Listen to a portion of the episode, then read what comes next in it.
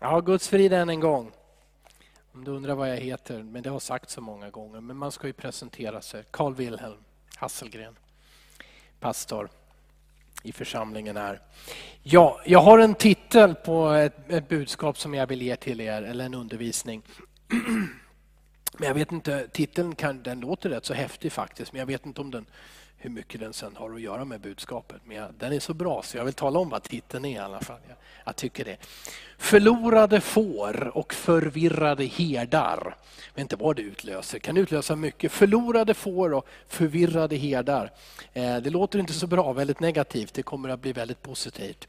Vi ska läsa först två bibelverser och eh, sen så kanske jag först mot slutet återkommer till dem. Men det står så här i Galaterbrevet 4 och 4.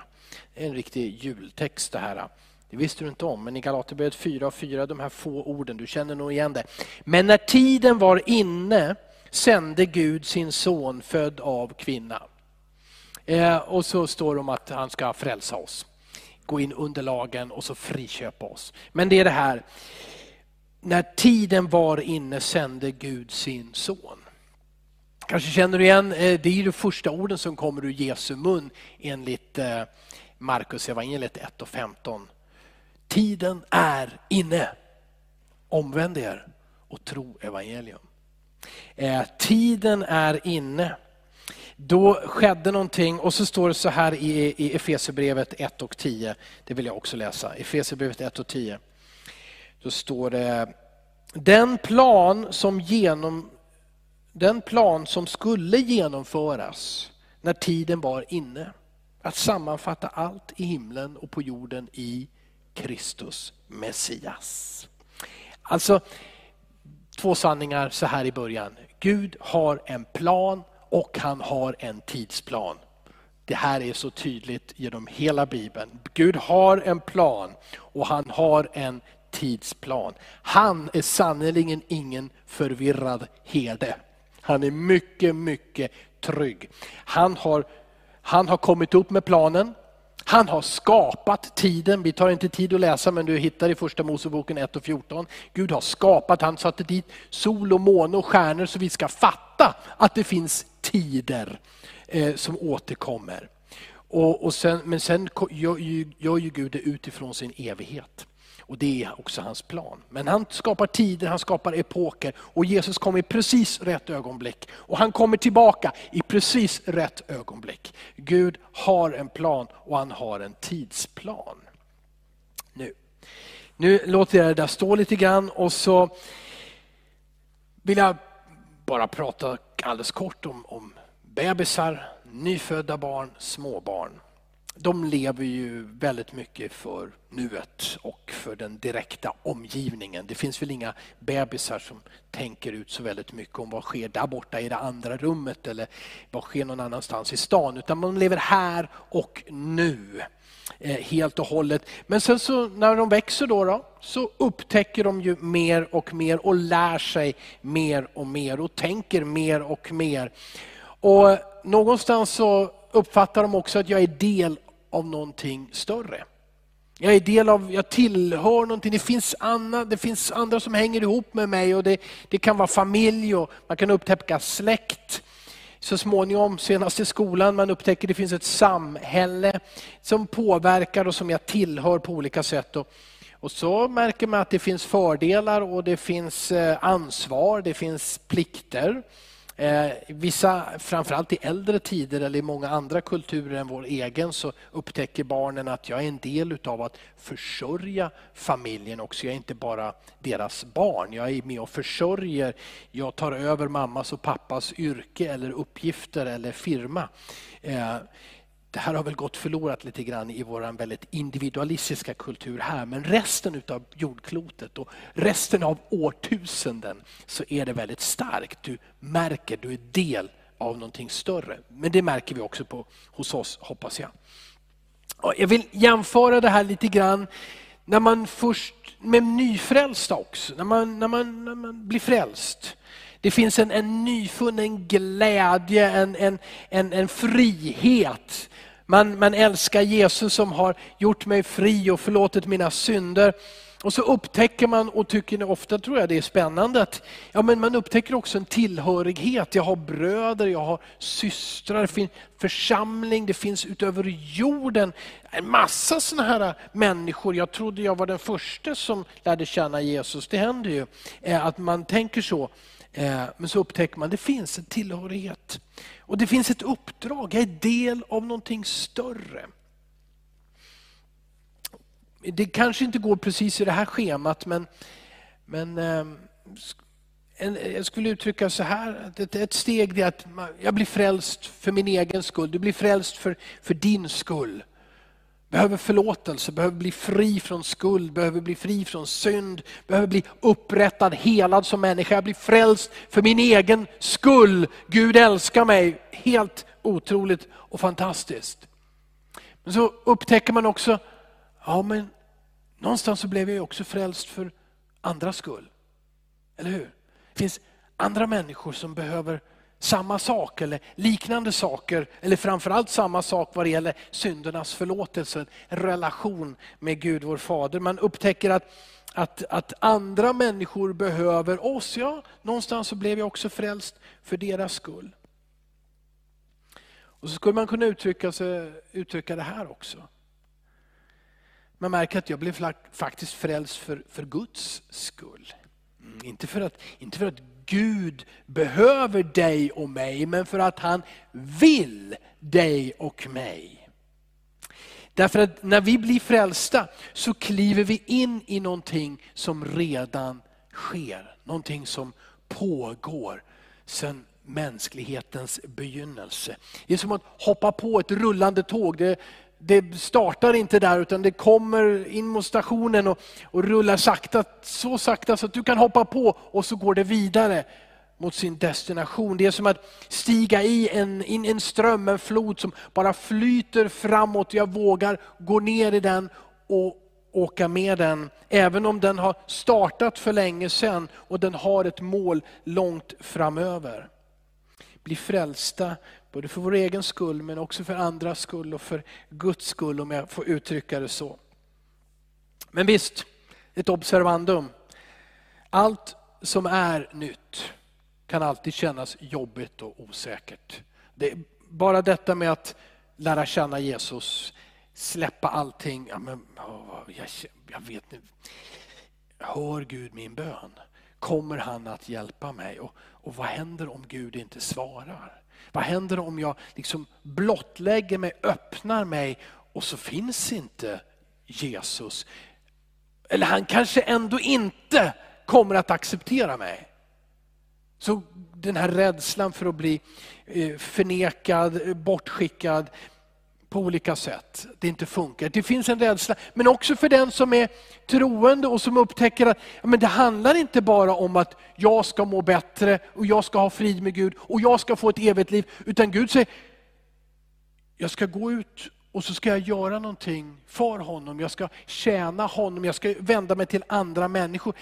Och I alla de här stegen eller processerna så kan det kännas osäkert. Vad, vad är, är det verkligen så? Har Gud verkligen kallat mig? För några de kan be så fina böner och andra kan predika så bra predikningar. Och några andra de sjunger såna vackra sånger. Och, och de där teknikerna och andra de verkar veta vad de kan och vad de betyder och de gör. Men jag, jag vet inte, är det verkligen så att jag är kallad och har jag förmågan? Det finns så mycket som utlöser den här tveksamheten. Men grejen är den att att ta de här stegen, att upptäcka detta, det är så totalt befriande för varje människa. Oavsett vilken nivå vi pratar om, var du befinner dig i tro eller relation till Gud, tvivel. Att ta ett steg, att öppna upp sitt hjärta och bara märka, wow, det var helt rätt. Hur många säger inte när de har blivit frälsta, jag har kommit hem. Äntligen, jag trodde men nu har jag landat. Jag, jag trodde jag hade någonting på gång, men nu vet jag. Jag kunde inte förstå det här tidigare, men nu så har jag frid. Helt otroligt. Jag var så jagad av olika saker som jag måste göra för att döva mitt samvete och för att känna att jag trivdes och var lycklig. Men nu, nu bara är jag lycklig. Och det är inte annorlunda med detta att, att gå in i det som, som Gud låter ske. Säger vi sedan årtusenden, vi kanske borde säga miljontals år, men jag säger sedan årtusenden. Och bara säga, okej okay, Gud, jag lyfter min blick nu då, bort från mig själv och så ser, vad är det du, ja, men jag vet inte, vad innebär det här att tjäna dig? Hur ska jag tjäna dig? Tänker du skicka mig till någon mörk plats på andra sidan jorden? Ska du skilja mig åt från alla mina vänner och familjemedlemmar? Vad ska du göra? Kan jag lita på dig? Måste jag dö?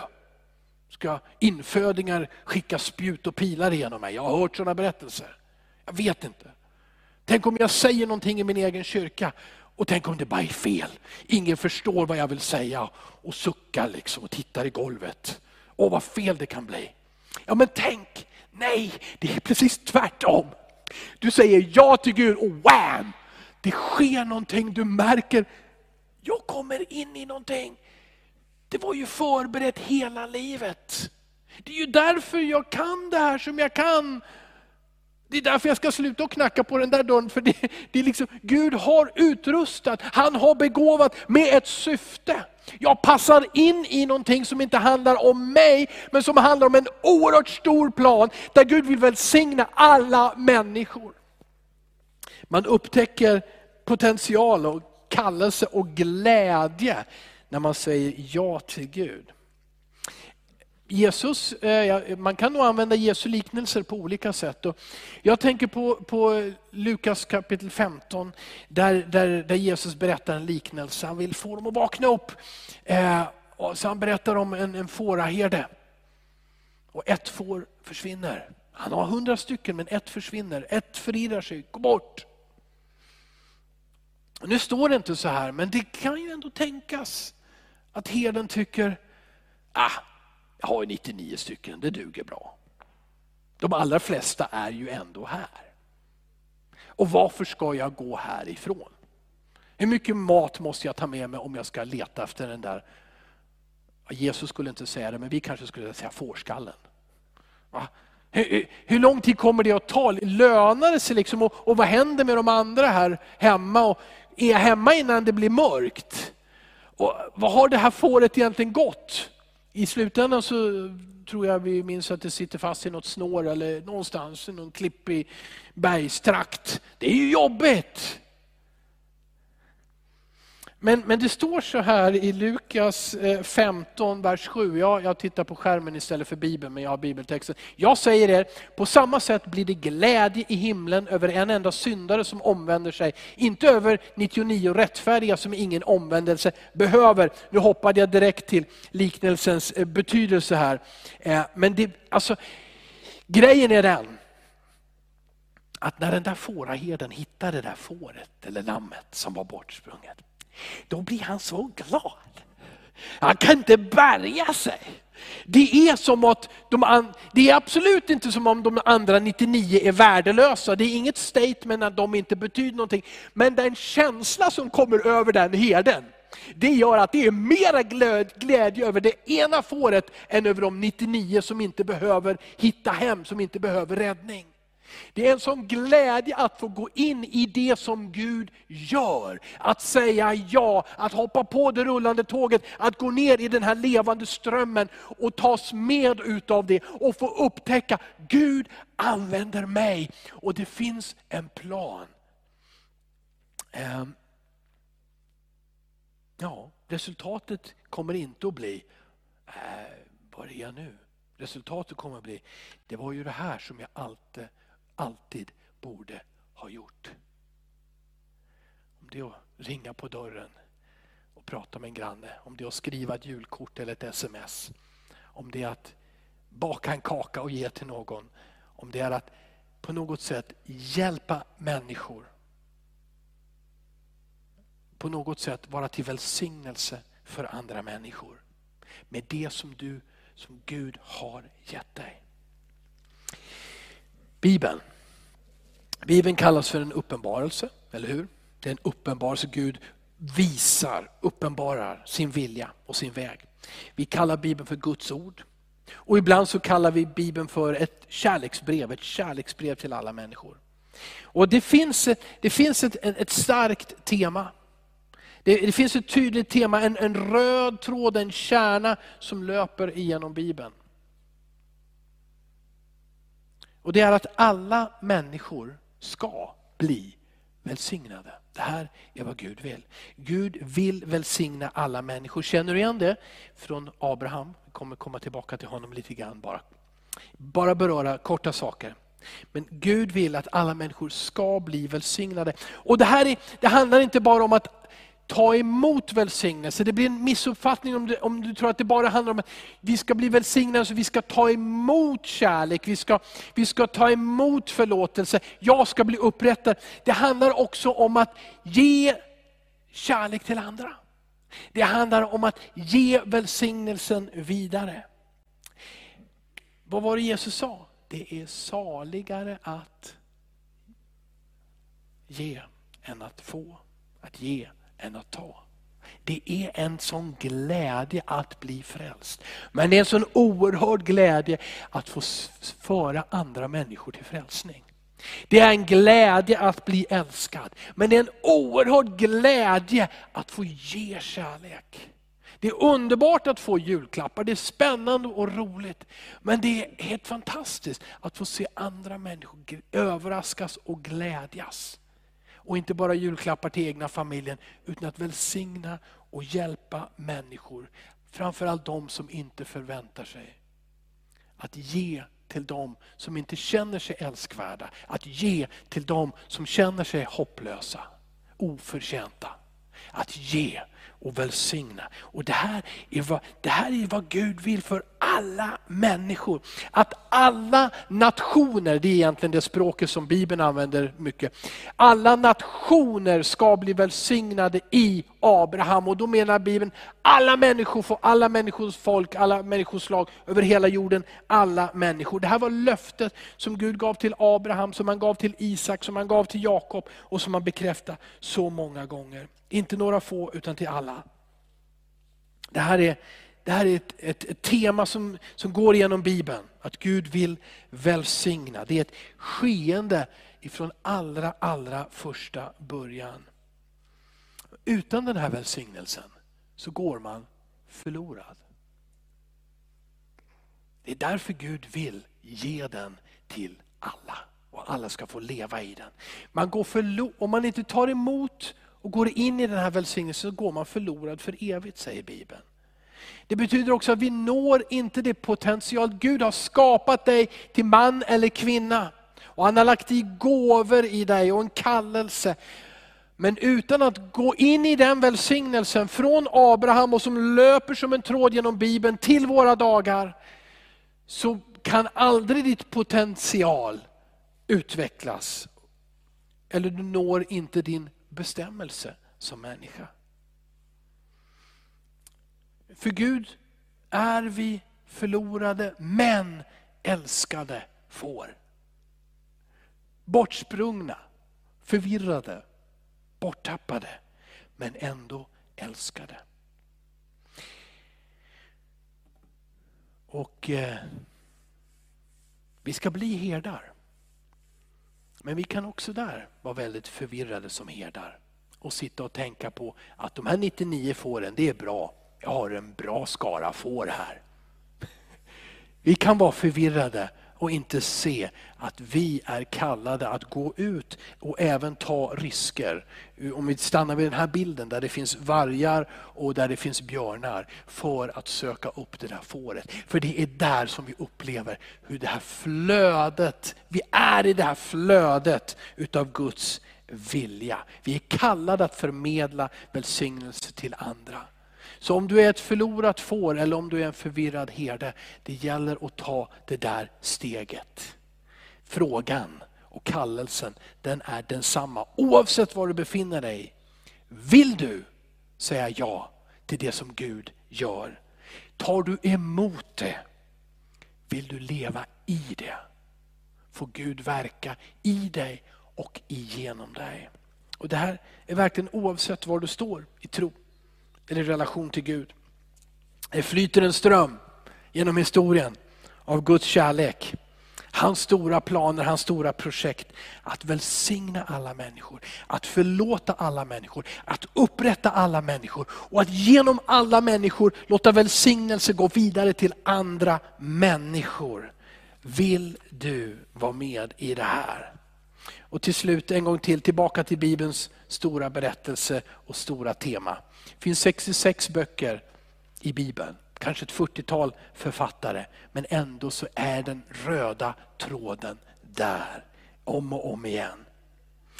Gud vill förmedla en välsignelse till oss och han vill inkludera oss i välsignelsen. Han vill integrera oss i det som sker. Och jag skulle vilja med lite andra ord beskriva det här, den här röda tråden till avslutning.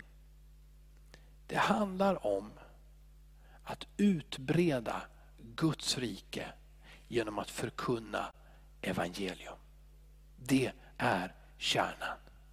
Det är där Gud har lagt all sin kärlek, all sin vishet, all sin kraft i att ge oss ordet. Han, ett speciellt organ som han har gett dig och mig, en liten grej där mitt i munnen, tungan. Men den formar vi ord. Och förhoppningsvis är det förbundet med hjärnan, där formas tankar. Förhoppningsvis är det förbundet med hjärtat. Där bor Guds ande och föder och leder och visar oss vägen. Men det handlar om att ge Guds ord, Guds budskap till människor. Du kan uttrycka det på andra sätt än med, andra, än med tungan, naturligtvis med händer och fötter. Du kan gestalta det, du kan leva ut det. Du kan med bilder talar väldigt mycket, men det handlar om att utbreda Guds rike genom att förkunna evangeliet. Det här är vad Jesus gjorde och det här är kallelsen till alla människor. För Gud vill att det här riket, där man tar emot välsignelse och ger vidare välsignelse, där man får leva i det. Och det är det som är så spännande. Det här löftet om man följer det genom Bibeln så utvecklas det på Bibelns blad framåt. Att man förstår mer och mer vad det handlar om. Och Parallellt med det här så är det så tydligt att hela gamla testamentet och nya testamentet visar att Gud bygger allt på en, på en person. På sin son som var Gud och människa. Han sänder en Messias som, som, som, som proklamerar det här riket på jorden. Och som, som kallar oss in i det riket och att breda ut det. Och han är kung över det här riket. Guds Messias är kung över detta rike. Och det här löper som en röd tråd genom gamla testamentet. Eh, och det, vi kan också kalla det för en löftesplan genom årtusenden. Löfte på löfte på löfte som tydligare och tydligare visar att Gud verkligen vill välsigna alla nationer i Abraham. Hur då? Jo, genom att vi tror som Abraham. Tror på vad då? Tror på Guds löften. Tror på vad då? Tror på den löftes... Den, den, tro på Messias som Gud sänder för att frälsa och föra oss in i den här planen. Guds rike och Guds uppdrag. Gud förberedde frälsning för dig och mig. I tidens fullbordan, eller i den rätta tiden, så sände han sin son. Född av kvinna, under lagen, för att friköpa alla som står under lagen. Han köper oss fria ifrån lagen som dömer och fördömer och han gör oss fria. Men i rätt tid så sände han, så förberedde han frälsning. Sen handlar det om att hitta får. Gud vill hitta de förlorade fåren. Genom dig och mig. Och så handlar det om att förmedla Guds rikets välsignelse. att bli små herdar med Jesus som den store herden. Bli små herdar som förmedlar välsignelse till människor. Och Det här är inte annorlunda, tycker jag i alla fall, än att ta en stickkontakt och stoppa in den i väggen och se hur lampan tänds. Än när strömmen flödar igenom. Det är det här som sker med varje människa. När vi säger ja till Gud och till denna ström och till detta skeende som pågår, detta Guds hjärta som pulserar. För att alla människor ska bli frälsta, upprättade, utrustade, sända. Så, så är det, den lampan den bara lyser. Det är, du stoppar in stickkontakten och det lyser, det flödar och det blir naturligt. Och det här är, det är därför som, det här är min avslutning nu då. Eftersom det här är Guds plan, så är det så. Du vet om det. Vem du än är, vad du än tror. Men när du, när du har gett någonting till en annan människa, när du har gjort någonting för en annan människa, så finns det bara en glädje i dig. Eller hur? Du kanske kämpade lite grann för du kanske ville behålla det där. Du kanske ville ha det för dig själv. Du kanske hade en användning, vad det än nu handlar om. Men du bestämde dig för, okej, okay, jag ger, jag hjälper. Jag tar tid för en annan människa. Varför ger det dig en tillfredsställelse? Jo, för att det är din naturliga kallelse enligt Gud, i hans vilja. Så här vill han att varje människa, och då, då är det så här, ond eller god, troende på det eller på det, så märker du det finns ett, ett flöde, en glädje i att få ge och skapa något för andra människor. Men när du gör detta i samarbete med Jesus, när han får frälsa dig, rena dig från dåliga och felaktiga motiv, när han får fylla dig med sin heliga ande och sin kraft, då finns det en kraft i detta, en glädje som ingen kan stoppa. Och detta är Guds församling och Jesus säger, inte ens dödsrikets portar kan stå emot Guds församling. Detta är när män och kvinnor, hur svaga de än tycker att de var, säger, jag tackar dig för frälsningen och jag tackar dig för att jag får vara del av någonting som du startade för länge sedan. Och du ska avsluta det. Du ska komma tillbaka Jesus. Jag tackar dig för att jag är kallad och jag säger ja till dig av hela mitt hjärta. Dag efter dag, om och om igen. Jag vill söka dig och tjäna dig. Amen. Och därför så är det så underbart när du ber för andra. Och Man kan bli trött av bön, men man kan också märka, oj oj oj. Det här, nu är jag med. När jag ber för människor, när jag ber för vårt samhälle, när jag ber för de sjuka, när jag ber mot det här viruset. Du är i ett flöde av Guds välsignelse i hans plan. Amen. Det står ju också att han har förutberett gärningar för oss att vandra i. Ser du hur Gud har en plan? Han har en tidsplan. Vi är del av något mycket större. Låt oss fortsätta och be. Amen.